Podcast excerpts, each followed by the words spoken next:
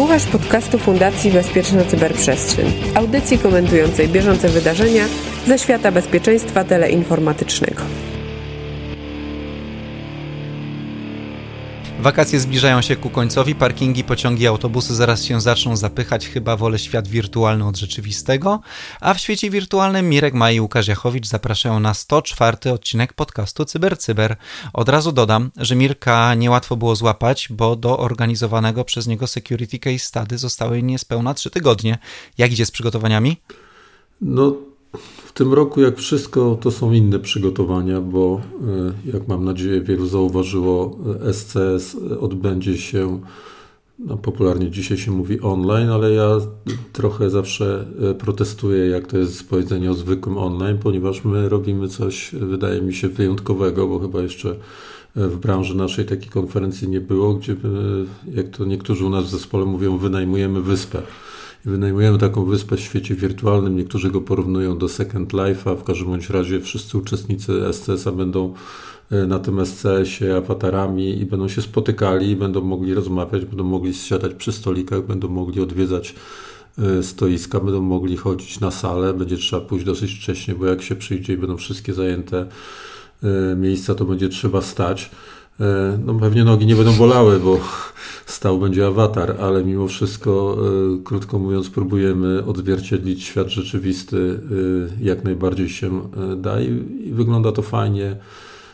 Liczę na to, że się uda. No oprócz tego oczywiście przygotowania przede wszystkim merytoryczne. Agenda jest na stronie, więc można się z nią zapoznać. Przeglądałem agendę i zwróciło moją uwagę fakt, że e, bardzo zagadkowo nazywa się tegoroczny Capture the Flag. Tak. Cybertwierdza? Bo to jest e, inny Capture the Flag, to nie będziemy tutaj pewnie się sprzeczali z, e, ze starymi wygami z, z, świata Capture the Flag i może nie będziemy tutaj ich prowokowali, że to jest Capture the Flag. W każdym razie jest to, bym powiedział, taka alternatywa dla tego typu konkursów, które wiadomo, że są mocno techniczne i są dedykowane dla osób e, technicznych. My chcielibyśmy przedstawić coś dla no przecież niemałego grona ludzi, którzy zajmują się tematami procesowymi, organizacyjnymi, też blisko techniki, ale, ale jednak takich e, bardziej menadżerskimi i startujemy coś, co nazywamy Ligą Cybertwierdzy. Jeśli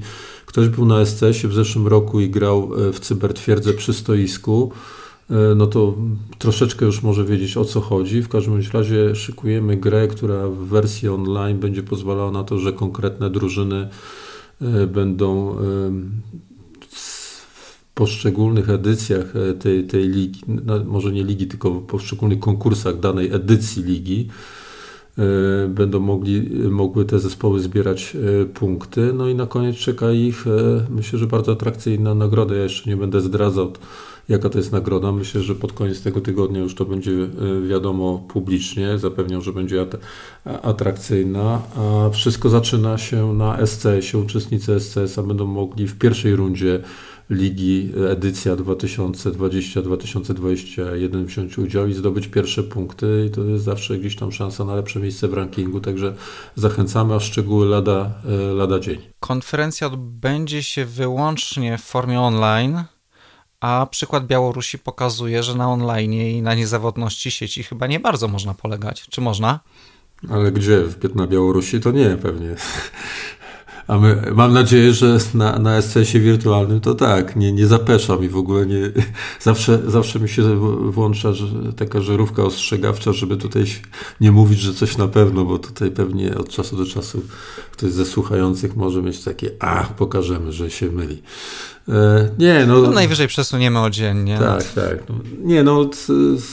No na Białorusi y, chyba, jest, chyba jest inaczej a przynajmniej przez jakiś czas było na e, początku procesów, tak? Bo rozumiem, że o tym chcemy porozmawiać chwilę.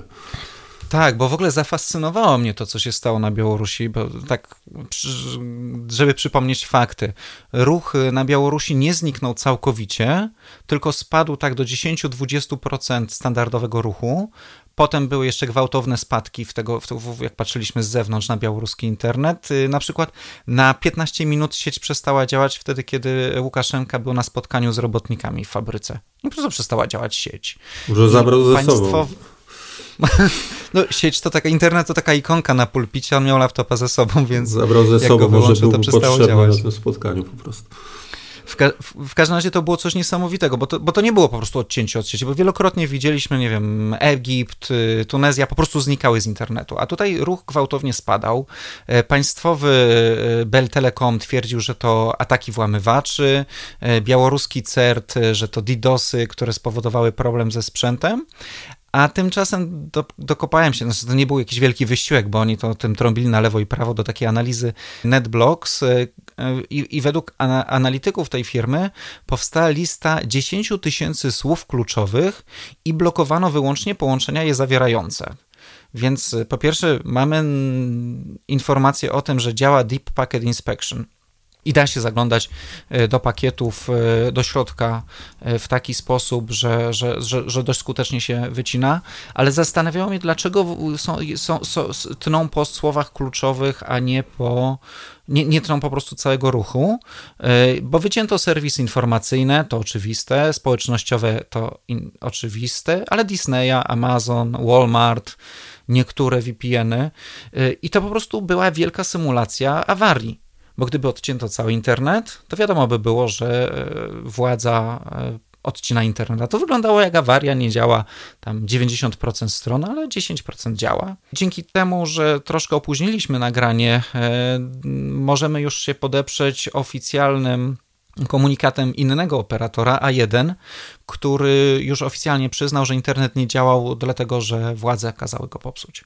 No właśnie, bo myślę, że to, co obserwowaliśmy, to było wynikiem tego, no takim odzwierciedleniem w ogóle prowadzonej polityki te, przez e, władze białoruskie, obecne władze białoruskie, e, które są takim pomieszaniem z poplątaniem. Tak? I widać, że w tej warstwie technicznej też to takie, tak to wygląda, ponieważ to są, no nie ma tego odcięcia całego internetu, no bo nikt tego nie odcinał. Zastanawiam się, czy na ile to była chęć tego, żeby udawać, że wszystko jest po prostu ok, a, a oczywiście w całej tej e, strategii informacyjnej to e, na pewno te wszystkie ataki DDoS pochodziły e, z Warszawy i z Wilna, o których informował CERT białoruski. Swoją drogą ubolewam, no bo no, jak słyszę, że CERT jest, jest wmieszany w takie tematy, no to jest mi po prostu przykro, no ale to inna sprawa. Ja bym powiedział tak, bo to w warstwie takiej pewnie faktograficznej, to ja to, co zawsze mówię, jak ktoś pyta, ile tych incydentów jest, no to często można odpowiedzieć właściwie tyle, ile chcesz. I trochę można z tymi atakami DDoSowymi powiedzieć, no czy były ataki DDoSowe? Oczywiście, one, bo one są cały czas praktycznie, prawda? Jak, jak ktoś powie, że tam było UDP flooding, czy czy DNS flooding, czy ICMP, no to, to, to pewnie, że tak powiem, w tym szumie sieciowym to jest cały czas i zawsze można napisać, że takie coś było. Aczkolwiek no ciekawe jest, chociaż ja statystyk żadnych nie widziałem e, dokładnych, przede wszystkim przez stronę białoruską pokazanych, może ty Łukasz widziałeś, bo tam była mowa w, tych, w tym komunikacie CERT-u białoruskiego o y, ruchu DDoS-owym na poziomie powyżej 200 gigabitów na sekundę. E, no to oczywiście już odnotowywaliśmy znacznie większe e, ataki, no ale mimo wszystko nie jest to też mały, e, nie jest to też mały atak i ja mam takie wrażenie, że on by się jednak troszeczkę większym echem w świecie tych, którzy naprawdę monitorują to, co się w, w internecie dzieje, odbił i troszeczkę nie chce mi się wierzyć w ten atak. Natomiast no, to, co y, możemy potwierdzić, no to, to blokowanie białoruskie polega, pomysł na blokowanie białoruskie polega na e, Deep Packet, Inspection. Y, ja bym powiedział, że to jest no takie typowo cenzorskie podejście. Nie wiem, czy jeszcze ktoś go właściwie stosuje. Nawet co najwyżej w, w hybrydowym modelu, tak, Chiny, ale, ale myślę, że ze znacznie większymi możliwościami odcinania po prostu bazującego na, B, na BGP i, te, i takich innych, e, inżyniersko trochę innych podejściach dotyczących całej sieci. Dla mnie pozytywną informacją było coś, e, do czego się tam doszukałem, czytając więcej o tych kwestiach, e, to jest to, że ruch częściowo na Białorusi spowolnił również dlatego, że e, ta cała infrastruktura do Deep Packet Inspection się nie wyrabiała. i nie była w stanie przerobić całego ruchu, który, który z Białorusi wychodził. W związku z tym e, mamy namacalny dowód na to, że e, infrastruktura przygotowana przez opresyjne państwo, e, które nie jest najbogatszym państwem w okolicy, nie zadziałała prawidłowo i no, w związku z tym wycięto wszystko, czy tam spowolniono wszystko, bo próbowano grzebać po każdym pakiecie. Czyli nie jest to proste, nawet jeżeli od wielu lat budujesz infrastrukturę do tego konieczną. To jest plusik. Zastanawiam się, czy w, właściwie to chyba rozmawialiśmy o tym, czy w Polsce byłoby to możliwe i mi się wydaje, że tego typu blokada w Polsce byłaby dużo trudniejsza, bo mamy o wiele więcej łącz ze światem, łącz również niezależnych, a teraz, kiedy już w ogóle wejdzie Starlink i, i, i przystępny dla kieszeni e, internet satelitarny, to już w ogóle będzie trudno odciąć tak zupełnie komunikację na jakimś terenie. No to to będzie też bardzo e, trudno, no bo to jest wprost proporcjonalne e, do tego, jak wyglądają w ogóle zasady współpracy pomiędzy władzami a operatorami, prawda? No bo na, no w, tym, w tym modelu, w którym to polega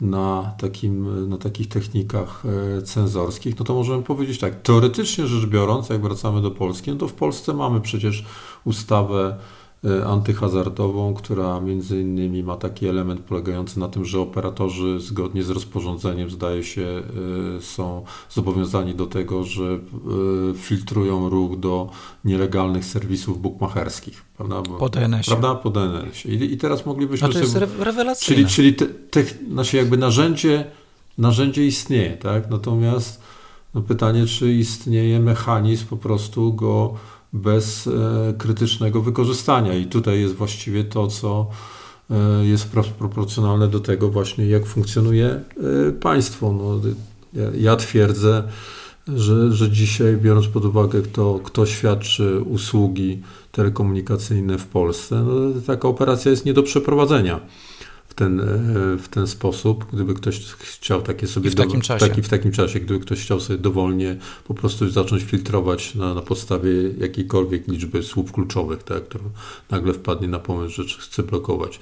Jeżeli chodzi o odłączenia w ogóle takie no, no, na poziomie w ogóle działania całego internetu, no to chyba jeszcze bardziej, tak, bo to, no to, to, to sprawia, że już w ogóle y, się walą biznesy tak, tych, tych, tych firm, które są po prostu firmami komercyjnymi i nie mogą za bardzo sobie na to e, pozwolić. Także to tak, inżyniersko to bym powiedział tak, że, że nie chodzi nawet tylko o Polskę. Właściwie myślę, że w większości krajów e, no, są grupy specjalistów, którzy mogą taki system e, zbudować albo przeprowadzić serię działań, które doprowadzą do tego.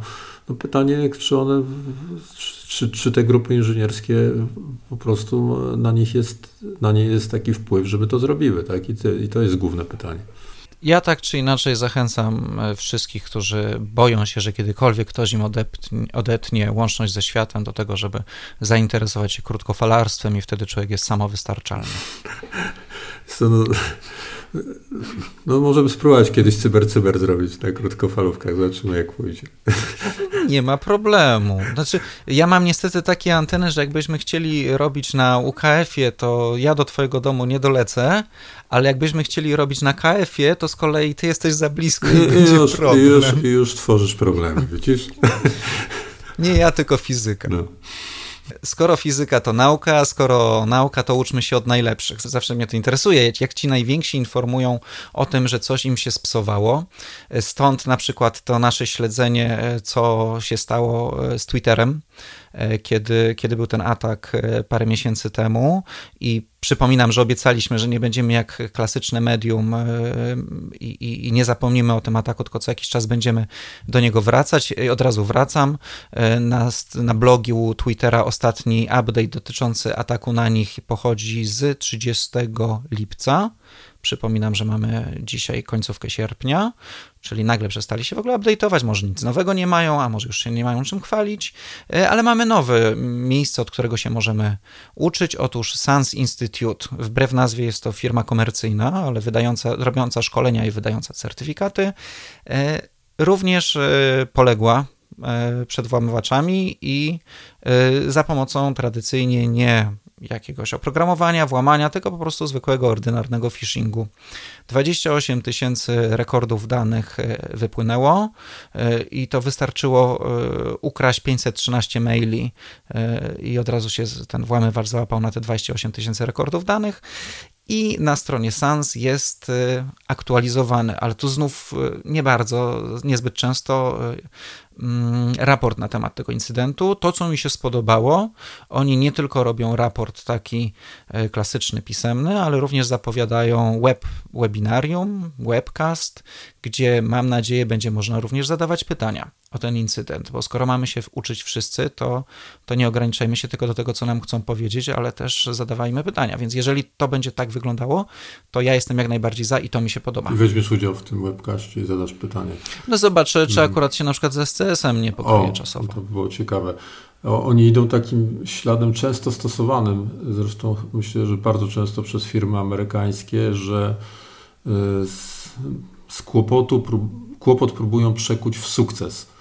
I znaczy ja, ja w ogóle uważam, że to jest jakby nie tylko marketingowo, ale w ogóle jeżeli chodzi o, o działanie, to, to jakaś ciekawa strategia. Przypominam, że swego czasu E, no tak zrobiło RSA Security, które ogłosiło siebie największym specjalistą od ataków typu APT, po tym jak e, pierwsi historycznie na, na, tak dużą skalę zostali zaatakowani i musieli wymieniać wszystkie swoje tokeny na całym świecie.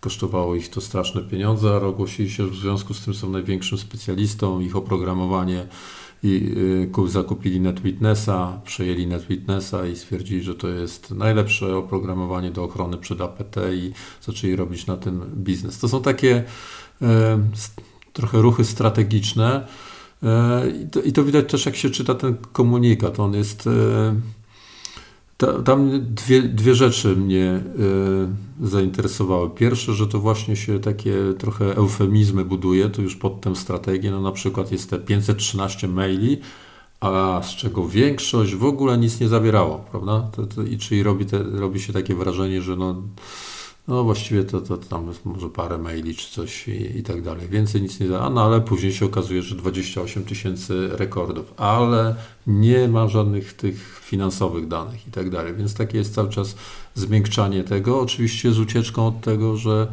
no jest to firma, która zajmuje się security i, i trochę e, Szkoda, że im to się trafiło, ale to trafiało się większym, tak, prawda? Tu mamy całą długą listę, do, wpadają do klubu, który ma szacownych członków już na pokładzie, więc e, to jakby tak po prostu jest dzisiaj, że ka każdy może być e, zaatakowany. Na, można tylko na ich obronę powiedzieć, że oni głównie kształcą specjalistów, a pewnie zwykły pracownik dał się nabrać.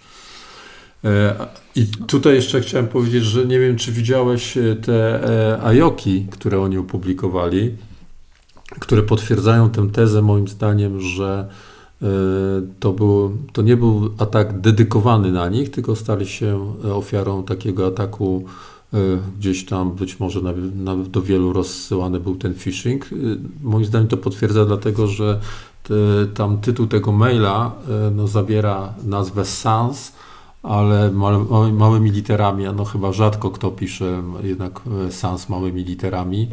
Y, i no to oznacza, że to najprawdopodobniej zostało wyciągnięte przez automat z domeny, do której miało być rozesłane, więc tutaj jakby to się potwierdziło.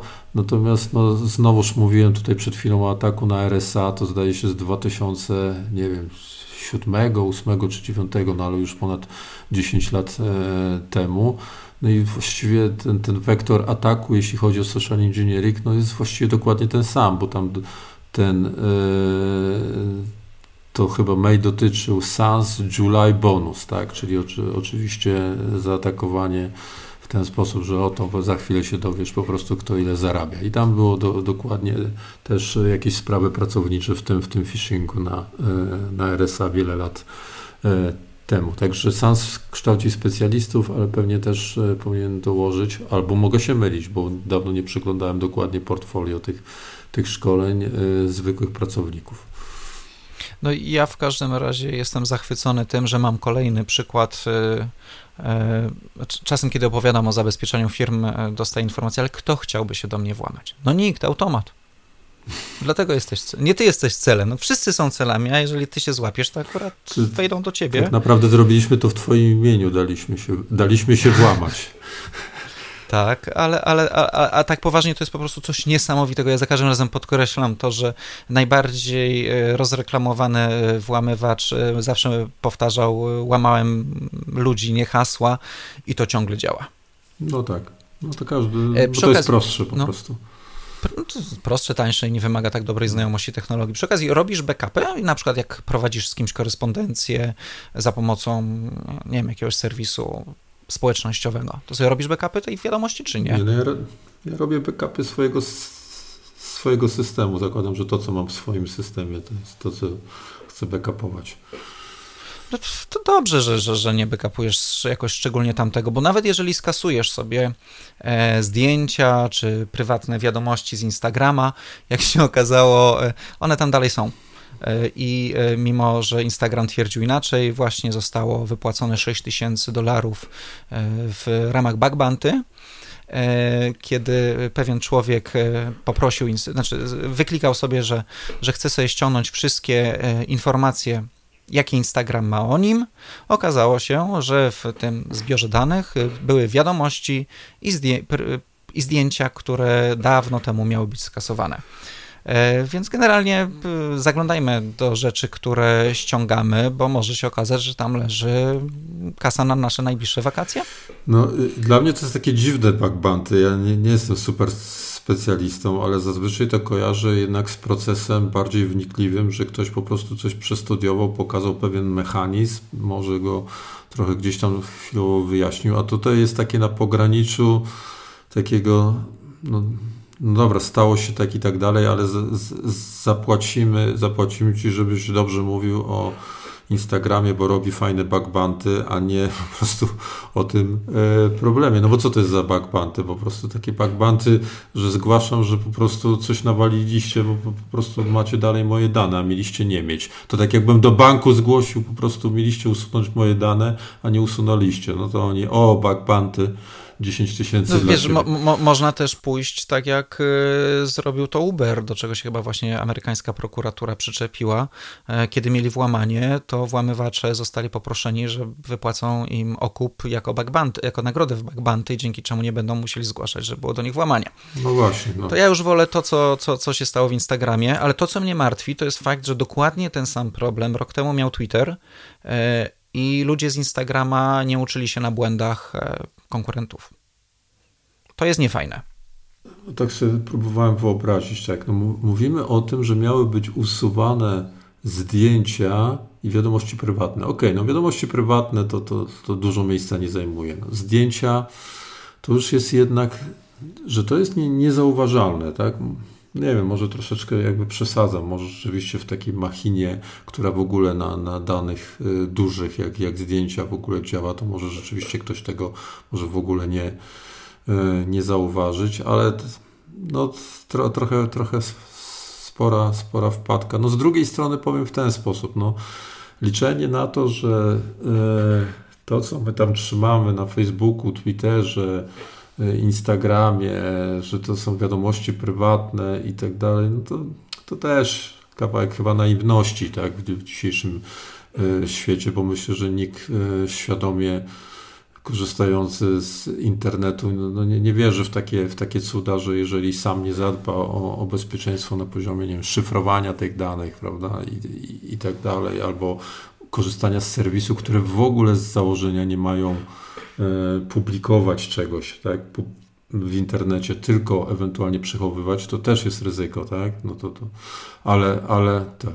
Kłopot polega na tym, że to jest coś, czego ludzie używają i zaczynają używać również do takich rzeczy. Na przykład rosyjska opozycja, nie wiem, dwa lata temu wypłynęły y, ich wewnętrzna komunikacja, bo oni rozmawiali ze sobą za pomocą w kontakcie. No tak, tak. No, no więc po prostu wiesz, no dajesz człowiekowi Excela i on zaczyna robić w tym wszystko, bo on akurat daje tabelki, nie? Dajesz człowiekowi Instagrama, to on też zaczyna robić w nim wszystko, no bo daje możliwość komunikacji, więc y, człowiek dostaje młotek i szuka, wszystko zaczyna wyglądać jak gwóźdź, no. Znaczy, ja uważam tak, takie rzeczy, jak widać, zdarzają się co, co chwilę i, i dalej będą się zdarzały, bo za chwilę wypadnie tam jakiś inny inny problem i tak dalej. Więc jakby dbanie o swoją prywatność, no to, to, to jednak nadal użytkownikom bym zachęcał ich do tego, żeby po prostu sami o tym pomyśleli, nie liczyli na to, ale oczywiście wymagali, tak? Także bardzo dobrze, że ktoś znalazł te pakpanty. Trochę Tro, troszeczkę może lekko zmienię zdanie po tym, jak, jak przyjrzałem akurat, co robi ten e, człowiek, który to znalazł, Nepalczyk, Saugat Pokharel, e, bo on kilka już znalazł takich, więc on rzeczywiście w Facebooku coś kiedyś znalazł, e, więc rzeczywiście chyba troszeczkę jakby drąży takie różne rzeczy i to chyba nie było przypadkowe, bo na początku myślałem, że to przypadkowe, tak? Coś ściągnął i nagle się okazało, że jest tam coś, co usuwał. Ja Pytanie, jak, jak dokładnie się w ogóle, chyba że się usuwa wszystko, bo jakieś wybiórcze rzeczy, jak coś się usuwa z tak dużych serwisów, to trudno zapamiętać, co się tak naprawdę usunęło, czy nie, chyba że jakiś rekord potem techniczny zostaje po stronie użytkownika. No dobrze, no trzeba ich po prostu punktować za, za, za te rzeczy i tyle. No. No to popunktojmy. Na przykład ok, Instagram jest jakimś tam prze, przedsięwzięciem e, pojedynczej, dużej, bo dużej, ale pojedynczej firmy, ale mamy też instalacje, które są robione przez wiele przedsiębiorstw, patrzą na nie, patrzy na nie wiele oczu, e, standardy opracowują tysiące osób i mamy takie na przykład 5G. E, E, to było 5G, czy LTE. nie? To chyba LTE dotyczyło. E, fajny atak e, wyszedł, bo w specyfikacji jest napisane, że klucz szyfrujący powinien, voice over LTE, klucz szyfrujący powinien być inny przy każdym połączeniu. I kluczem, słowem kluczem w tym zdaniu jest słowo powinien. Część producentów stacji bazowych uznało, że skoro powinien, to nie znaczy, że musi.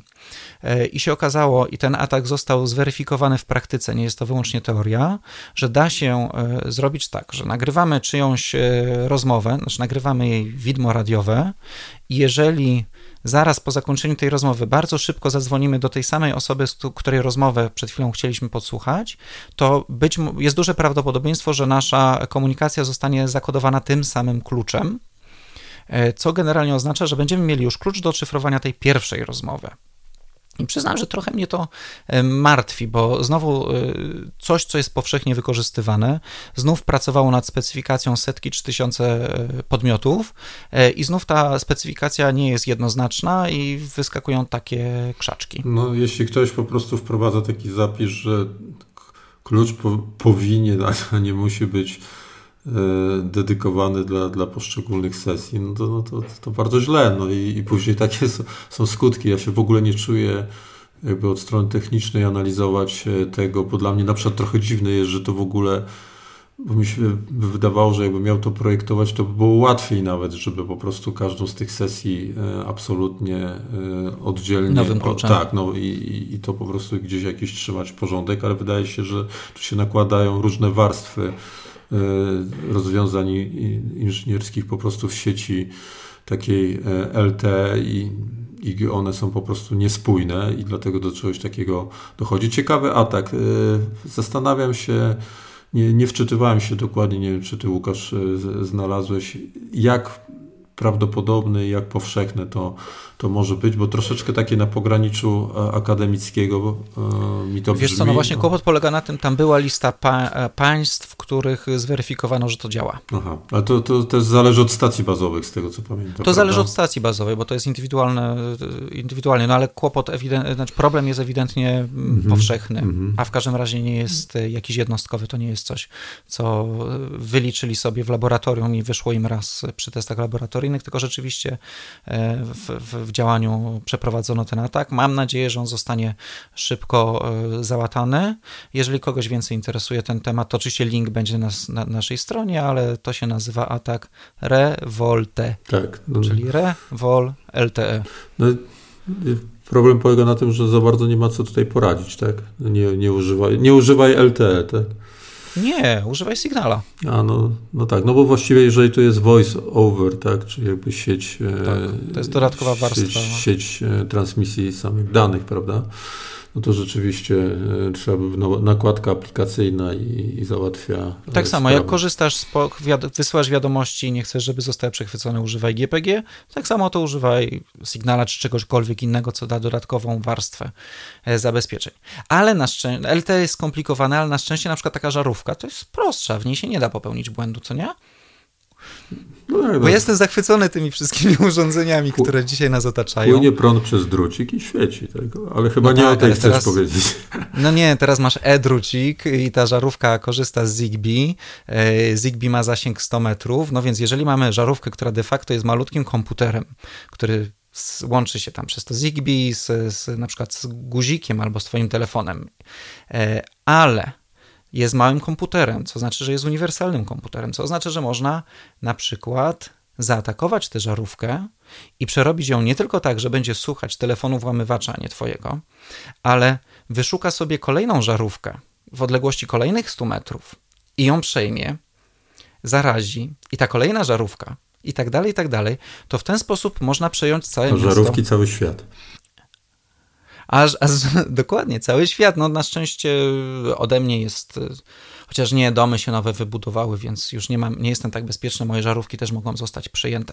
W każdym razie jest, jest E, atak e, pokazany w, jako proof of concept, ale oczywiście działający na żarówki Philipsa, e, który polega właśnie na tym, że jedna ła, ła, włamywacz łamie mhm. pierwszą żarówkę, a potem to już idzie kaskadowo. I to jest duże zagrożenie dla inteligentnych miast, bo tam te urządzenia rzeczywiście mają sieć meszową i, i próbują się łączyć z kolejnym urządzeniem, ewentualnie da się to w ten sposób e, przestawić, więc, więc to jest problem, który jest realny i myślę, że tak jak w latach 90. mieliśmy dowcipniszów e, piszących wirusy dla jaj, to teraz pojawią się ludzie, którzy będą pisali wirusy na żarówki. To no tak, tak może być i to jest, no z jednej strony to jest rzeczywiście tak na pograniczu jakichś tam trochę lu luźnych, śmiesznych te tematów, no bo dzisiaj pewnie jednak byśmy taki scenariusz, to byśmy trochę naciągali, jakbyśmy zrobili jakiś katastroficzny scenariusz, chcieli e, zbudować oparciu o to. No chyba, że chcesz mi powiedzieć, no tak, no można, nie wiem, że tam zakłady pracy na tych żarówkach wszystkie jadą, tak, czy...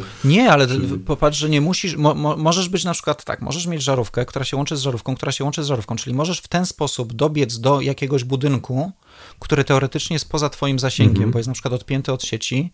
I jeżeli w tym budynku są inteligentne żarówki i Ty mógłbyś przeskoczyć z inteligentnej żarówki na sterownik tej inteligentnej żarówki, to jesteś już w wewnętrznej sieci budynku. Je, jeśli taki, y, no bo nie wiem, czy, czy ten. Jeżeli oczywiście takie tak, połączenie jeśli jest. Takie połączenie nie? jest. Więc to dlatego, no ale to jest trochę to, co chciałem e, właśnie powiedzieć, że e, Dzisiaj może trochę trudno i gdzieś tam naciągane i trzeba by było jeszcze dokładnie sprawdzić, co jest możliwe, ale no, dla przypomnienia, te problemy, które dzisiaj odnotowujemy jako najważniejsze, one często też startowały jako problemy, które były na pograniczu zabawy, złośliwości i psikusów, e, a później zamieniły się w, w rzeczy, które są nie, nie, bardzo, bardzo groźne i myślę, że akurat te, tego typu analogie i tego typu rozważania możemy bez żadnego naciąg naciągania snuć, no bo wracamy jakby do tematu bezpieczeństwa rozwiązań E, internetu rzeczy, które no to jakby żadnej wątpliwości nie ma, że będą zdobywały kolejne e, fragmenty naszego życia, funkcjonowania w, w świecie rzeczywistym. I jeśli e, znowuż nie będzie od najprostszych rozwiązań nie będą pewne rzeczy, wracając do poprzedniego tematu, must, a nie, a nie should, albo w ogóle nie, nie, nie dotykane, to później to będzie już tak rozbudowany system, że w ogóle nawet naprawa tego wstecz właściwie będzie bardzo, bardzo trudna. No tak jak, tak jak w ogóle z internetem jest, pewna, Tak jak jest z internetem. Tak. Zgadza się. Nigdy nie został wymyślony po to, żeby był bezpieczny. Natomiast y, możemy tę naukę już wyciągać i akurat świata IoT powinniśmy budować z założeniem takim, że musi być bezpieczny, bo może być y, zbyt istotny, żeby to, takie, takie założenie, że róbmy to, na co mamy ochotę, jeśli chodzi o standardy tam, to, to jest y, broniące się podejście. No to co, łamanie żarówki na kolejnym SCS-ie? E, no, no my, ale to byśmy musieli rzeczywiście w domach, jeśli na, chyba, chyba, że już się spot, spotkamy, miejmy nadzieję, w świecie rzeczywistym. Na, na razie w wirtualnym, dla przypomnienia, 10-11 września serdecznie zapraszamy. Rejestracja E, trwa, może można powoli myśleć o swoim e, awatarze i zachęcam jeszcze raz, żeby zajrzeć w, w, program, bo myślę, że naprawdę kilka bardzo, bardzo, albo kilkanaście, tak, ja mówię kilka to już takich, takich wybitnych pozycji, a program e, moim nieskromnym zdaniem bardzo fajny. Także, no, ale to też zakładam, że mówię Łukasz w twoim imieniu jako członka Rady. Wiesz co, jako człowiek Rady Programowej nie, właśnie nie, może, nie mogę nie się możesz. wypowiadać na ten temat, bo, ale znaczy, generalnie znaczy możesz, te, ale te tylko rzeczy, dobrze. które które mi się nie podobały, stamtąd wyleciały. No, Łukasz, jak okay. nie wypowiesz się dobrze, to ci odłączę internet. Będzie super. Wza, wza, wza, wzorem naszych, naszych wschodnich sąsiadów. Sąsiadów. Ale Telegram będzie mi działał. Ale tylko pocztowe. Na tym kończymy. Sto... Dobrze. Na tym kończymy 104 odcinek podcastu Cyber Cyber. Archiwalne epizody znajdziesz w swojej aplikacji podcastowej i profilach społecznościowych Fundacji Bezpieczna Cyberprzestrzeń. I za uwagę dziękuję Łukasz Jachowicz i Mirek Maj. Jeszcze nam światło w ogóle świeci. I do usłyszenia. Do usłyszenia, dziękuję.